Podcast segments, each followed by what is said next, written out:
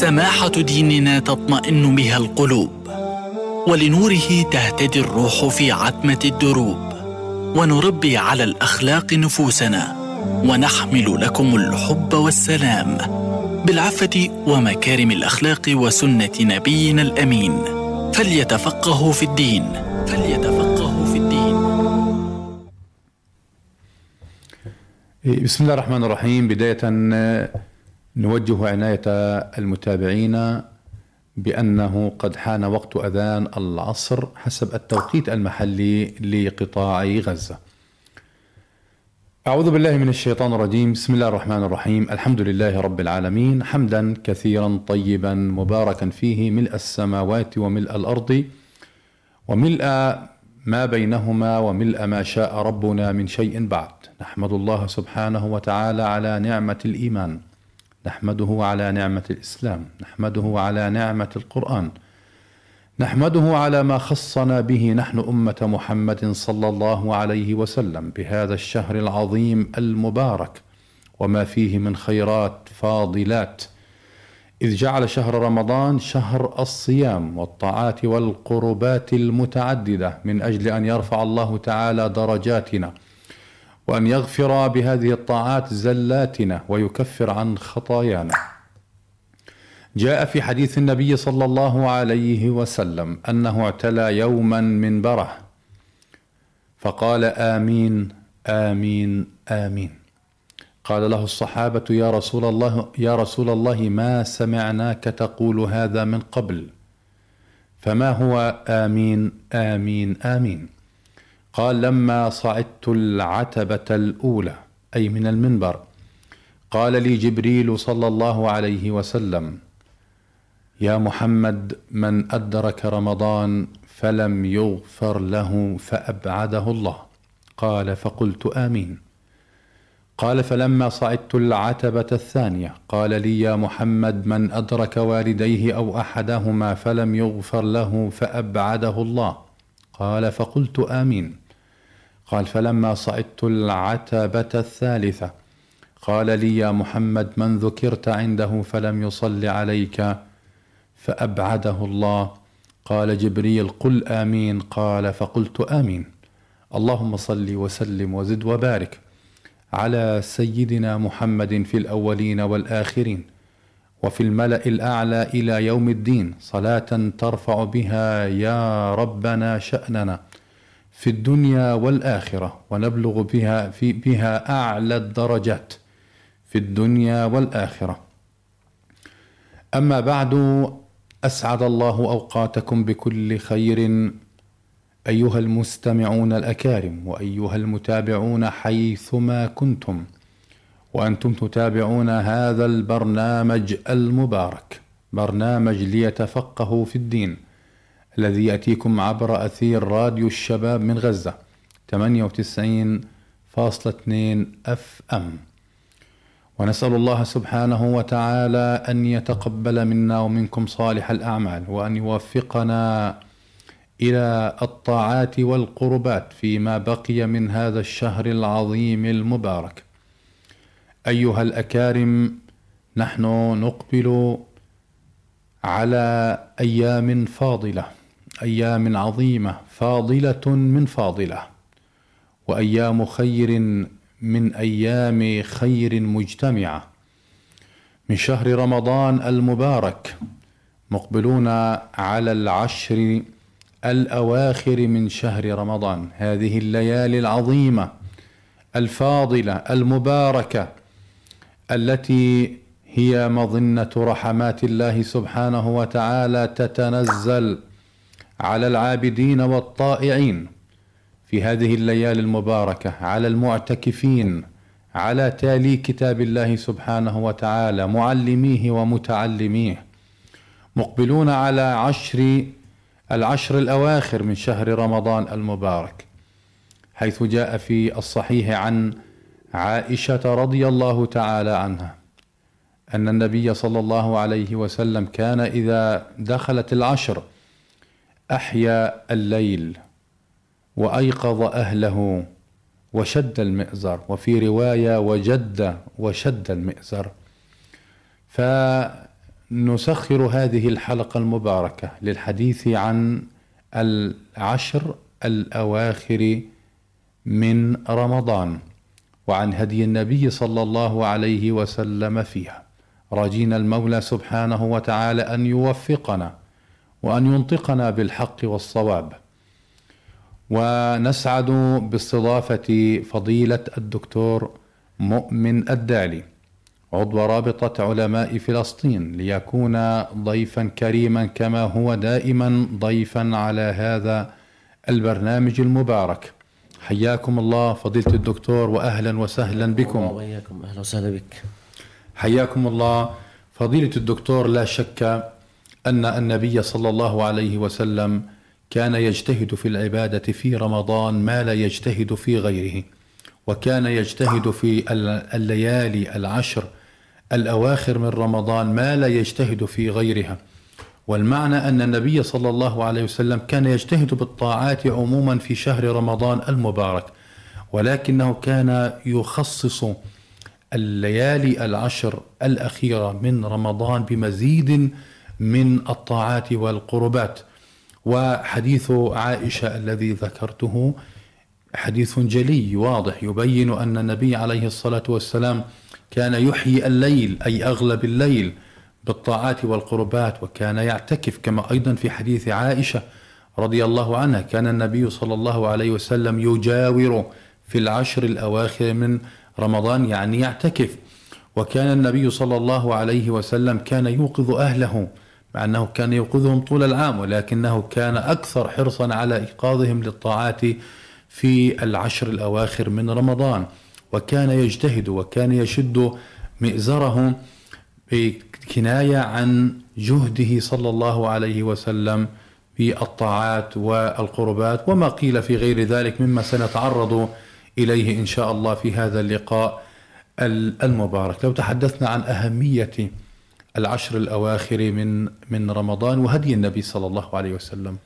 بسم الله الرحمن الرحيم. الحمد لله رب العالمين والصلاة والسلام على نبينا محمد وعلى آله وصحبه أجمعين. الحمد لله الذي أدركنا شهر رمضان ونحن في أحسن حال. إيه، شهر رمضان يعني كله إيه، مغفرة وكله رحمة وكله بركة. وسبحان الله الله سبحانه وتعالى جعل يعني ختام هذا الشهر هو أفضل ما فيه. كما قال النبي صلى الله عليه وسلم إنما الأعمال بالخواتيم. نعم.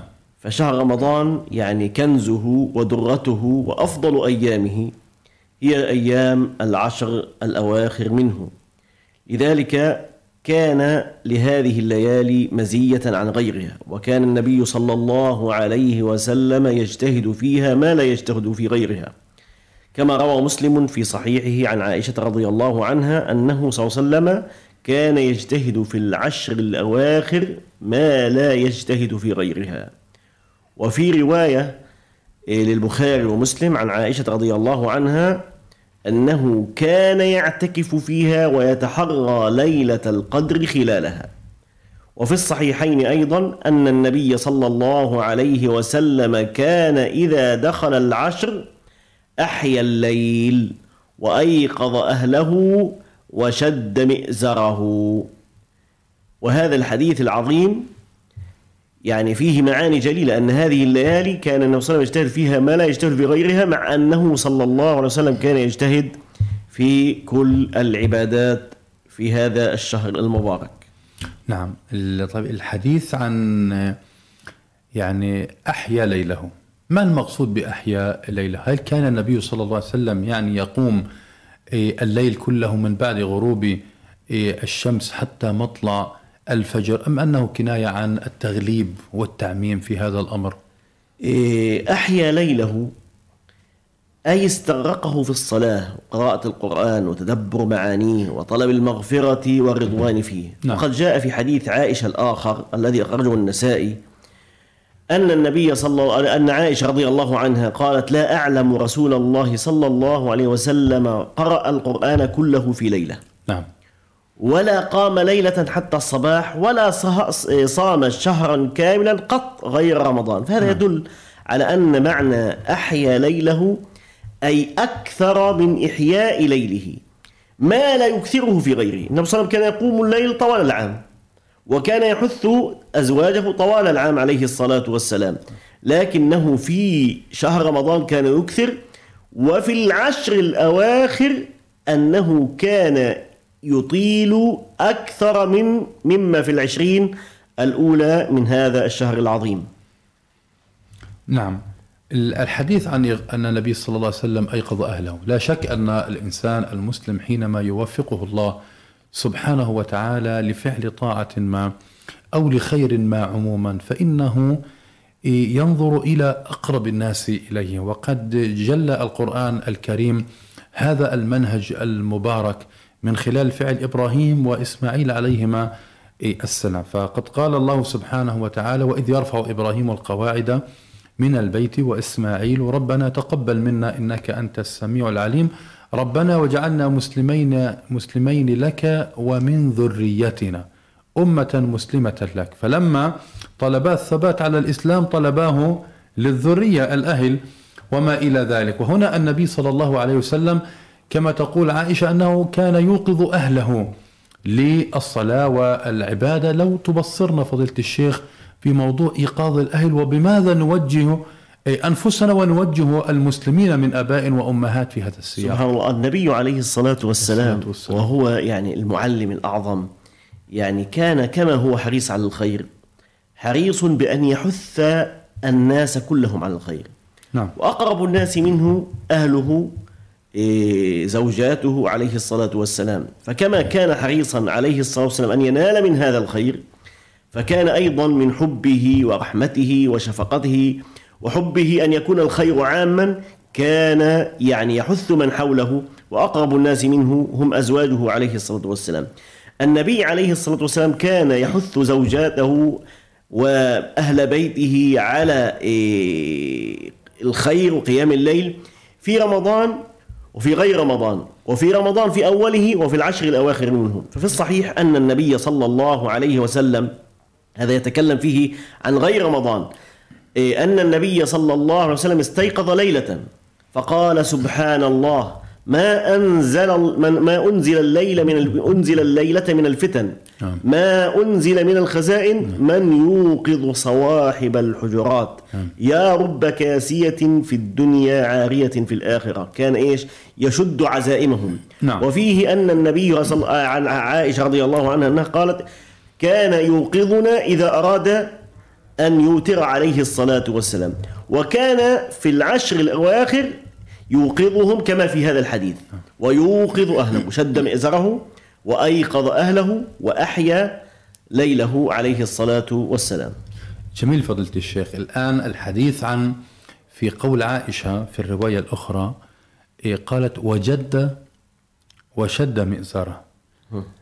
كما هو معلوم أن الجد بالطاعة هو الاجتهاد وشد مئزره إما كناية عن أنه كان يجتهد في العبادة كالذي يتحزم للشيء ويتهيأ له ويستعد أو أنه كان يعتزل النساء في هذه الليالي لتفرغه لطاعة الله سبحانه إيه، وتعالى. هذا الجد من النبي صلى الله عليه وسلم كان يجد في الطاعة ربما يأخذنا إلى سياق عام. ولكنه أكثر خصوصية في هذا السياق في قول الله سبحانه وتعالى وسارعوا. وسارعوا إلى مغفرة من ربكم وجنة عرضها السماوات والأرض أعدت للمتقين. فإذا كانت المسارعة إلى الطاعات بالعموم في طوال حياة الإنسان فلا شك أنها في هذه الأوقات الفاضلة أكثر حاجة أن يتقدم بها الإنسان. وحديث القرآن عن أتباع عيسى عليه السلام قال ويسارعون في الخيرات. وهنا في هذه المسارعة التي هي حال النبي صلى الله عليه وسلم نجد شيئا رائعا. قال وسارعوا إلى مغفرة من ربكم. والحديث عن رمضان في الحديث النبي صلى الله عليه وسلم من أدرك رمضان فلم يغفر له. أي أن رمضان شهر مغفرة. وجنة عرضها السماوات والأرض. لمن يا رب؟ قال أعدت للمتقين. طب ماذا قال الله تعالى في الصيام؟ كتب عليكم الصيام كما كتب على الذين لماذا؟ لعلكم لعلكم تتقون. طيب الآن المسارعة للفوز بالجنة. الجنة لمن؟ للمتقين. الصيام بوابة فسيحة لتحقيق التقوى الذي هو إيه يو- يوصل إلى جنة عرضها السماوات والأرض. حتى القرآن الذي أنزل في شهر رمضان المبارك شهر رمضان الذي أنزل فيه القرآن هدى للناس وبينات من الهدى والفرقان. ماذا قال الله تعالى في أول سورة شارحة لسورة الفاتحة وهي البقرة؟ قال بسم الله الرحمن الرحيم. ألف لام ميم. ذلك الكتاب لا ريب فيه هدى للمتقين. للمتقين. فالقرآن للمتقين والصيام يوصل إلى درجة التقوى والتقوى يوصل إلى جنة عرضها السماوات والأرض. نأخذ هذا من فعل النبي صلى الله عليه وسلم في أنه كان يجد ويشد إيه إيه المئزر. كيف نتهيأ لهذه الليالي لكن من أجل هناك- أن نجد ونجتهد. هناك أمر آخر أيضا. نعم. وهو أن النبي صلى الله عليه وسلم قد غفر له ما تقدم من ذنبه. جميل. فلماذا عليه الصلاة والسلام يعني يعتكف في هذه العشر إنه يأنس بالله تبارك وتعالى. آمنت بالله. النبي صلى الله عليه وسلم يعني هو الذي غفر له. لماذا يعتكف؟ ولماذا يطلب المغفرة؟ هو ير... هو عليه الصلاة والسلام يأنس بالله. يعني الوصال بينه وبين الله عظيم. فلذة العبادة ولذة الطاعة ولذة الأنس والقرب من الله تبارك وتعالى والارتقاء بالروح. يعني طوال العام الإنسان يعني يهتم بالجسد. طبعا هذا في المباحات طبعا. نعم. لكن يعني في هذا الشهر إيه، كأن رمضان يريد أن نرتقي بأرواحنا لا بأجسادنا. نعم. يعني إحنا نمتنع عن الطعام والشراب والشهوة. كذلك في الاعتكاف يمتنع الإنسان عن عن عن مقاربه الأهل وعن الشهوات ثم إيه، يستيقظ وهو يحب النوم. كل هذا كأنه تربية للروح وتربية للنفس وتربية للقلوب وتصفية لهذه القلوب. طول السنة إحنا دنيا دنيا دنيا فالإنسان بحاجة إلى أن يسعف قلبه وأن يأنس بالله تبارك وتعالى. هذه العشر إيه، الأواخر من رمضان هي كنز وهي أنس بالله تبارك وتعالى. لذلك لها لهذه العشر مزايا. من أهم هذه المزايا أن فيها ليلة القدر. نعم. أن فيها ليلة قدر قال الله تبارك وتعالى حاميم والكتاب المبين. إنا أنزلناه في ليلة مباركة. إنا كنا منذرين. فيها يفرق كل أمر حكيم. أمرا من عندنا إنا كنا مرسلين رحمة من ربك إنه هو السميع العليم فهذه الآيات تصف ليلة القدر أم تلك التي وصفها رب العالمين بأنها إيش؟ بأنها مباركة قد صح عن جماعة من السلف منهم ابن عباس رضي الله عنه وقتادة وسعيد وعكرمة ومجاهد وغيرهم أن الليلة التي أنزل فيها القرآن هي ليلة القدر وهي الليلة المباركة. فهذه العشر فيها كنز ثمين وهي العشر وفيها ليلة القدر. نعم. جميل فضيلة الشيخ الحديث عن يعني خصائص ليل الليالي العشر من رمضان ال- المبارك. إيه، بداية خلينا يعني إيه، نقول متى تبدأ؟ يعني المذاهب الأربعة بتقول تبدأ من ليلة الواحد الليلة الواحدة والعشرين الم- المذاهب الأربعة. تمام. نعم. هو كذلك. تبدأ وفي تبدأ رأي آخر؟ آه. في رأي آخر قبل بيوم العشرين. يعني ليلة العشرين. آه. ولكن الراجح أنها ليلة الواحد والعشرين. نعم. لأن ليلة العشرين تعتبر من ال من ال من الليالي الأولى. مكملة للعشر أيوة، الوسطى. صحيح. جميل. طيب الحديث يعني طبعا موضوع عشر العشر هي المقصود آخر أيام وإلا فأحيانا ممكن تكون تسع مش لازم يكون عشر يعني. ال- تكون ليلة العيد. ذكرت آه، مطلع سورة الدخان. آه، في قول الله سبحانه وتعالى فيها يفرق كل أمر حكيم في ليلة القدر. ما المقصود بهذا؟ المقصود بأن فيها يفرق كل أمر حكيم أي تقدر في تلك الليلة مقادير الخلائق على مدى العام. أه. فيكتب فيها الأحياء والأموات والناجون والهالكون والسعداء والأشقياء والعزيز والذليل والجدب والقحط وكل ما أراده الله تبارك وتعالى في تلك السنة. والمقصود بكتابة مقادير الخلائق في ليلة القدر. طب إحنا عارفين إنه مكتوبة قبل. أيوة بدي أقول أنا حديث آه والمقصود بكتابة المق... مقادير الخلائق في ليلة نعم. نعم. القدر أنها تنقل في ليلة القدر من اللوح المحفوظ نعم. قال ابن عباس رضي الله عنهما أن الرجل يرى يفر يرى يفرش الفرش ويزرع الزرع وإنه لفي الأموات أي أنه كتب في ليلة القدر أنه من الأموات وقيل أن المعنى المقادير تمام؟ نعم. المقادير تبي- تبين في هذه الليلة لمن؟ تبين للملائكة. وقيل إيه، القدر هو التعظيم. لكن هو الأرجح الأقوال هو القول إيه، الأول. جميل. يعني الآن إحنا في هذا السياق نتكلم عن إيه، أن الله سبحانه وتعالى أول شيء عنده في العلم الأزلي علمه ما هو كائن وما سيكون وما لم يكن كيف سيكون لو كان كائنا وما إلى ذلك إلى أن يشاء الله سبحانه وتعالى. هذا في علم الله سبحانه وتعالى. صحيح. أما في في المقادير فالإنسان حينما يكون في بطن أمه ابن أربعة أشهر 120 يوما تقريبا فإن الله سبحانه وتعالى يأمر الملك بكتب رزقه وأجله وشقي أو سعيد. الآن هذا متعلق بحياة الإنسان كلها. صحيح. أما ما يكون في ليلة القدر هو فقط مدة العام العام القابل. تمام صحيح. نعم يعني في كل ليلة قدر آه، بيكون اللي هو آه، يعني إبراز ق- ما قضاه الله تعالى في حق هذا ال- الإنسان لمدة عام عام واحد. جميل. حينما ننتقل فضيلة الشيخ إلى يعني تفصيل ما كان عليه النبي صلى الله عليه وسلم العبادات التي كان عليه. يعني حديث عائشة كلام عام أنه كان يحيي الليل وكان آه، يوقظ أهله وكان يشد مئزره لكن لم تخصص في هذا الحديث.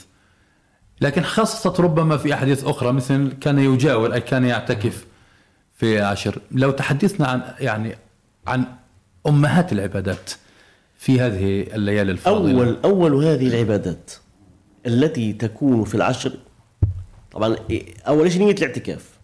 هي الاعتكاف نفسه هذا عبادة. نعم. أن يحبس الإنسان نفسه في بيت من بيوت الله تبارك وتعالى هذا الاعتكاف نفسه عبادة. إيه ثم إحياء الليل. معنى إحياء الليل خلينا أي. قيام الليل. خلينا نقف شوية على الاعتكاف. يعني الاعتكاف خلينا نتكلم عن حكمه مثلا. إيش حكم الاعتكاف؟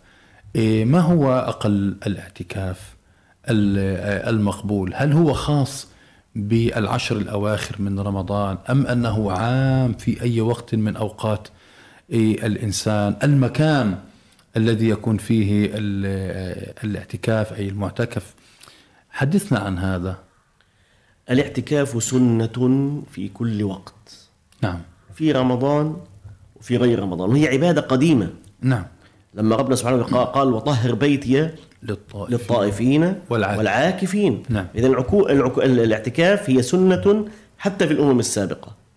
إيه... لكن في أمة الإسلام الاعتكاف سنة في كل وقت. وفي شهر رمضان أشد استحبابا. نعم. فكان النبي صلى الله عليه وسلم. يعني يهتم بالعشر أكثر من غيرها. وفي العشر الأخيرة منها آكد. نعم.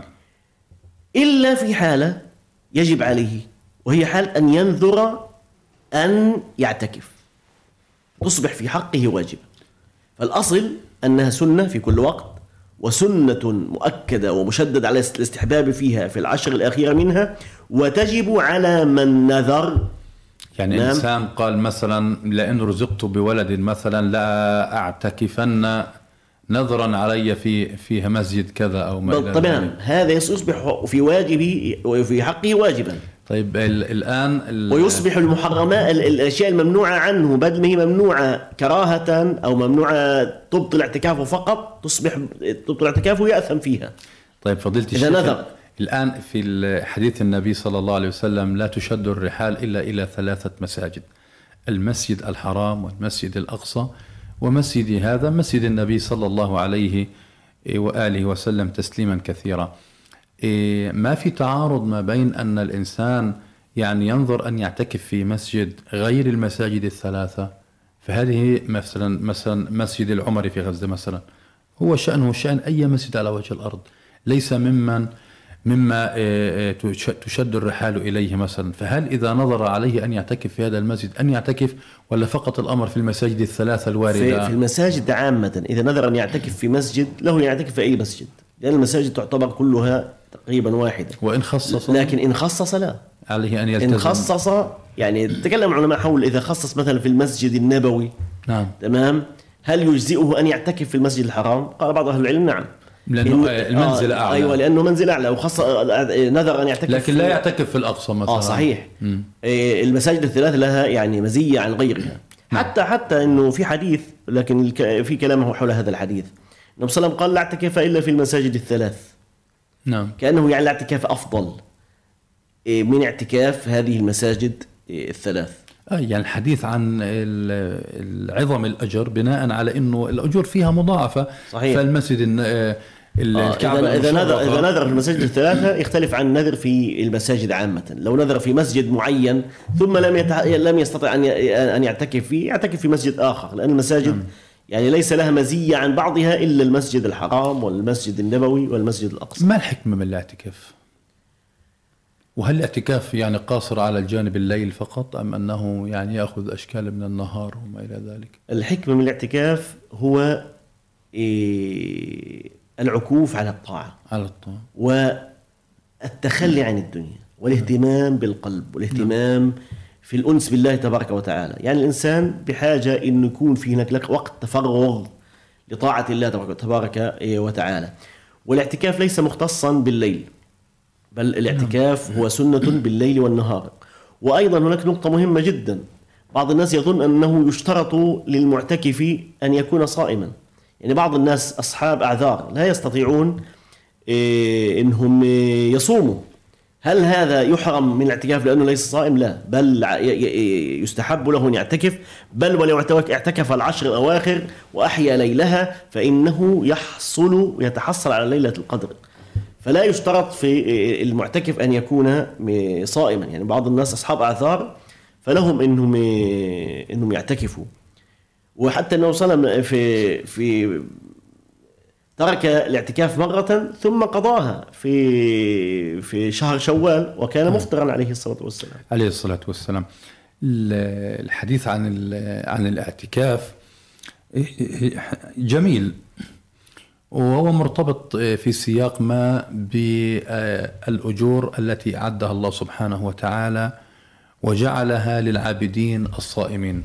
فسبحان الله يعني إذا نظرنا في أجر ال- الاعتكاف لم نجد في القرآن أو في السنة حديثا يبين لنا أجر الاعتكاف.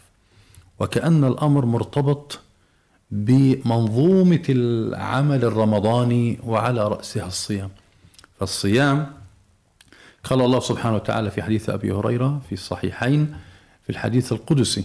قال الله تعالى إيه، كل عمل ابن آدم له إلا الصيام فإنه لي وأنا أجزي أجزي به. ولعلها يعني ها هنا في إشارة جميلة. الإنسان حينما إيه، يعمل عند مشغل. يأتي هذا المشغل فيقول له مثلا يعني آه، اجتهد في العمل. لكن هذا العمل في هذا ال- الجزء هذا لي أنا. فيهتم أكثر العامل.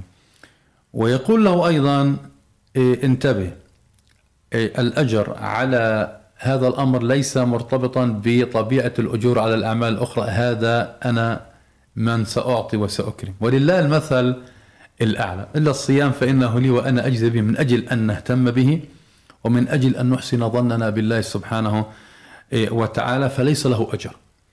الحديث عن حتى عن ليلة القدر قال هذه هذه إضافة. نعم. يعني إلى إلى الأجر المخفي في أجر مخفي هو أجر كل الشهر نعم. أجر الصيام هناك إضافة وهي ليلة القدر والعمل نعم. فيها وثوابها. نعم وليلة القدر لا شك أنها من من خصائص هذه الأمة. ما كانت في أمة في أمة آه، سابقة. وقال الله تعالى آه، إنا أنزلناه أي القرآن الكريم في ليلة القدر. وما أدراك أسلوب التشويق القرآني وما أدراك ما ليلة القدر؟ قال ليلة القدر خير من ألف شهر. ما قال ألف شهر؟ قال خير من ألف شهر ولا شك آه، أن العرب وقت نزول الآية الكريمة كان أقصى عدد عندهم هم الألف. فيقولون ألف وألفان وعشرة آلاف ومائة ألف وألف ألف. ما كانوا بيعرفوا زين المليون وال والأرقام هذه. فأيضا جاء الأجر أيضا العمل في ليلة القدر شك مفتوح. صحيح. والله سبحانه وتعالى يعني اسمه المعطي. إيه، الآن أص- ال- ال- الاعتكاف. الاعتكاف أيضا من ضمن منظومة الصيام العامة في شهر رمضان ال- المبارك ولم يثبت شيء. ألا يأخذنا هذا إلى أننا فعلا بحاجة إلى الاهتمام والاجتهاد إيه، والمسارعة إلى الاعتكاف لما فيه من طاعات وقربات؟ طبعا. إحنا انت أنت كمن كمن يأتي إليه فرصة إيه، لا تعوض. نعم. يعني فرصة العشر الأواخر هذه إيه، فرصة القرب من الله سبحانه وتعالى فرصة الأجور العظيمة والثواب العظيم والمغفرة الكبيرة هذه فرصة إيه، لا تعوض. فلا بد للإنسان أن يغتنم كل دقيقة من دقائق هذه العشر. طبعا ماذا يصنع فيها؟ قيام الليل. نعم. يا ليل قيامك مدرسة فيه القرآن يعلمني معنى الإخلاص فألزمه نهجا في الجنة يجلسني. ثانيا إيه إيه الدعاء. نعم. قد كانت عائشة رضي الله عنها تسأل النبي صلى الله عليه وسلم آه، في هذه الليالي ماذا تدعو؟ فتقول آه اللهم إنك عفو تحب العفو فاعف عني. وماذا أعظم من هذا؟ نعم. أن يعفو الله سبحانه وتعالى عما بدر منا من زلات. إيه كذلك من العبادات في هذا هذا هذا الشهر عبادة يعني إحنا ممكن الناس تنسى تنسى بعد الدعاء عبادة الدعاء طبعا عبادة عظيمة. القرآن. آه، والقرآن. وكذلك إيه، من العبادات اللي ممكن في هذا الشهر في العشر الأواخر ممكن بعض الناس تغفل عنها عبادة الإحسان إلى الناس. نعم. يعني ابن عباس رضي الله عنه روي عنه أنه كان معتكفا في مسجد النبي صلى الله عليه صلى وسلم الله عليه وسلم. فجاءه أحد لحاجة فقال له إيه، فأراد أن يخرج من المسجد فقال بعض له بعض الصحابة رضي الله عنهم قال يا ابن عباس ألست معتكفا؟ فقال لأن أمشي في حاجة أخي نعم. خيرا من أعتكف في هذا المسجد. ولهذا من كان معتكفا وخرج إلى أمر ضروري فكأنه في المعتكف يرجع إلى إلى صحيح. معتكفه، هل من شروط لصحة هذا الاعتكاف؟ هناك شرطين. نعم. الشرط الأول النية عند ابتداء المكث إنه نية الاعتكاف. نعم. الأمر الثاني اللبث في المسجد فلا يخرج منه. طبعا إحنا اتكلمنا قبل ما هو مقدار الاعتكاف. نعم. هناك اعتكاف كامل. الاعتكاف الكامل هو أن تعتكف في العشر الأواخر كاملة. تبتدئ من ليلة 21 قبل المغرب قبيل المغرب بقليل تدخل المسجد ولا تخرج منه أبدا إلا لحاجة ضرورية. حاجة ضرورية نعم. كأن يكون ألا يكون في المسجد مكان لقضاء الحاجة أو كأن يكون ليس هناك من يحضر لك طعاما إلى مسجدك. تمام؟ نعم. فتضطر أن تخرج إلى حاجتك. وهذا هذا هذا ينت- هذا أكمل آه هنا. يبدأ في ليلة الواحد والعشرين يعني يبدأ يوم الثلاثاء أيوة، بعد صحيح. المغرب مبا... وينتهي قبيل المغرب وينتهي المغرب آخر يوم من و- رمضان أو أو قبيل صلاة العيد تمام. كما في آه. في بعض الأمر الأقوال. الآخر في اعتكاف الناس مش كل الناس تستطيع أن تعتكف العشرة كاملة نعم فلا أقل من يعتكف الليل متى نعم. يبدأ الليل يبدأ الليل من صلاة المغرب إلى نعم. الفجر يعتبر هذا اعتكف ليلة. لكن الإنسان ال- الأفضل للإنسان لما يدخل المعتكف المسجد إنه يقول مثلا في مثلا في في قلبه نويت آه، الاعتكاف حتى الفجر أو إنه نويت الاعتكاف في هذا المسجد ما دمت فيه. تمام. أليس ها- هذا أصلا؟ آه الان الآن النية الأولى اللي هي نية العشر. تمام؟ نعم. هذه هذه هذه هي أكمل الأحوال. أن أيوة. أن ينوي جميل. العشر ويعتكف العشر فعليا. نعم. أو أن ي... أو ثم أن ينوي ليالي. نعم. ولكن هل الإنسان له أن يعتكف ولو جزءا يسيرا؟ يطلق عليه باللغة اعتكاف. نعم. يعني لو انسان مكث ساعة إيه، من الليل بنية بهذه النية التي ذكرتها نية الاعتكاف فله أجر الاعتكاف على طيب. قدر ما صنع من ذلك. فضيلة الشيخ ال- يعني المساجد بفضل الله سبحانه وتعالى في بلادنا كلها يعني تحيي هذه الليالي بالطاعات ويعتكف الناس في بيوت الله سبحانه وتعالى. لكن هل من توجيهات للإخوة المعتكفين. يعني بعض الناس ربما يعني ينشغل في الدنيا وهو في المسجد ربما يشوش. توجيهاتكم للإخوة المعتكفين في هذه الليالي الفاضلة. إيه، اولا الاعتكاف ما هدفه؟ هدفه الإنسان أن يعتكف لله تبارك وتعالى. نعم. فلا بد للإنسان أن يشغل كل دقيقة وكل أوقاته في الطاعة. من ذكر الله تبارك وتعالى قراءة القرآن مذاكرة العلم إيه، الدعاء إيه، الموعظة إيه، إلى غير ذلك. طبعا إضافة إلى الصيام. كذلك أن يكون في الم... يعني نعتكف في مسجد جامع ألا يتكلم إلا بخير. لا نعم. يشتم لا ينطق بغيبة لا ينطق بنميمة لا ينطق بلغو وإلا فلا حاجة للاعتكاف. إذا نعم. أراد أن أن يحضر مجالس النميمة إلى إيش؟ إلى المسجد. كذلك ألا يكثر من الدنيا أنت منقطع للآخرة. نعم. فلا تكثر من الدنيا إلا لحاجة. يعني بعض الناس يدخل المعتكف 24 ساعة تجده على الجوال يتكلم في أمور الدنيا يتكلم. فلا ينبغي الإنسان أن يكثر من هذه الأمور لأنها ستضيع لذة هذه الطاعة. طيب بعض الناس بيقول أنا يا عمي والله ما أنا قادر أنا إيه، أجاري مثلا الجماعة. في المسجد جماعة المعتكفين هل ممكن له أن يصلي لوحده أو يقرأ القرآن لوحده أو أن يذكر الله سبحانه وتعالى لوحده؟ له ذلك لكن بشرط ألا يشوش على غيره. جميل. وله إن, إن كان لا يستطيع له أن ينام. نعم. تمام له أن ينام له أن يرتاح لكن ألا يكثر. لبعض المساجد تجد بعض تجد بعض الإخوة معتكفين الناس تصلي هو في في خلف المسجد يزعج المصلين أيضا. نعم. جزاكم الله خير فضيلة الدكتور مؤمن الدالي عضو رابطة الماء فلسطين. إيه، مستمعونا ومتابعونا الأكارم. نحن مقبلون على أيام فاضلة عظيمة جليلة. أعد الله سبحانه وتعالى للقائمين والعابدين والطائعين فيها أجورا عظيمة. نسأل الله سبحانه وتعالى أن يوفقنا لهذه الليالي الفاضلة. ونختم هذه الحلقة المباركة من برنامجكم ليتفقهوا بالدين في الدين بعد شكر فضيلة الدكتور مؤمن الدالي على هذه المشاركة القيمة نختم هذه الحلقة بدعاء يسير ونؤمن معا اللهم صل على سيدنا محمد وعلى آله وصحبه ومن والاه آمين. اللهم اغفر لنا ذنوبنا آمين. وكفر عنا سيئاتنا آمين. وتوفنا مع الأبرار آمين. وتوفنا وأنت عنا راض يا كريم اللهم نسألك أن تتقبل منا الصلاة والصيام والقيام وصالح الطاعات. برحمتك يا رب العالمين. اللهم وفقنا لاغتنام هذه الأيام الفاضلة والليالي الفاضلة. برحمتك يا رب العالمين. اللهم حرر المسجد الأقصى المبارك. اللهم رد كيد اليهود إلى نحورهم. اللهم احفظ المرابطين في المسجد الأقصى المبارك. اللهم احفظ المعتكفين في المسجد الأقصى المبارك. برحمتك يا رب العالمين. ربنا آتنا في الدنيا حسنة وفي الآخرة حسنة وقنا عذاب النار. اللهم احفظ أمة حبيبك محمد. صلى الله عليه وسلم وأغدق عليها بالخيرات والبركات.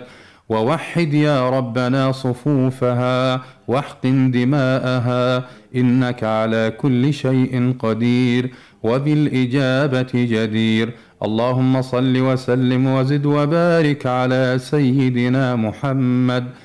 والحمد لله رب العالمين. وإلى لقاء آخر من برنامجكم ليتفقهوا في الدين. عاطر التحايا لكم وخالص الدعوات من محدثكم الدكتور محمد كمال سالم. والسلام عليكم ورحمة الله تعالى وبركاته. سماحة ديننا تطمئن بها القلوب ولنوره تهتدي الروح في عتمة الدروب. ونربي على الأخلاق نفوسنا ونحمل لكم الحب والسلام. بالعفه ومكارم الأخلاق وسنة نبينا الأمين. فليتفقهوا في الدين. فليتفقهوا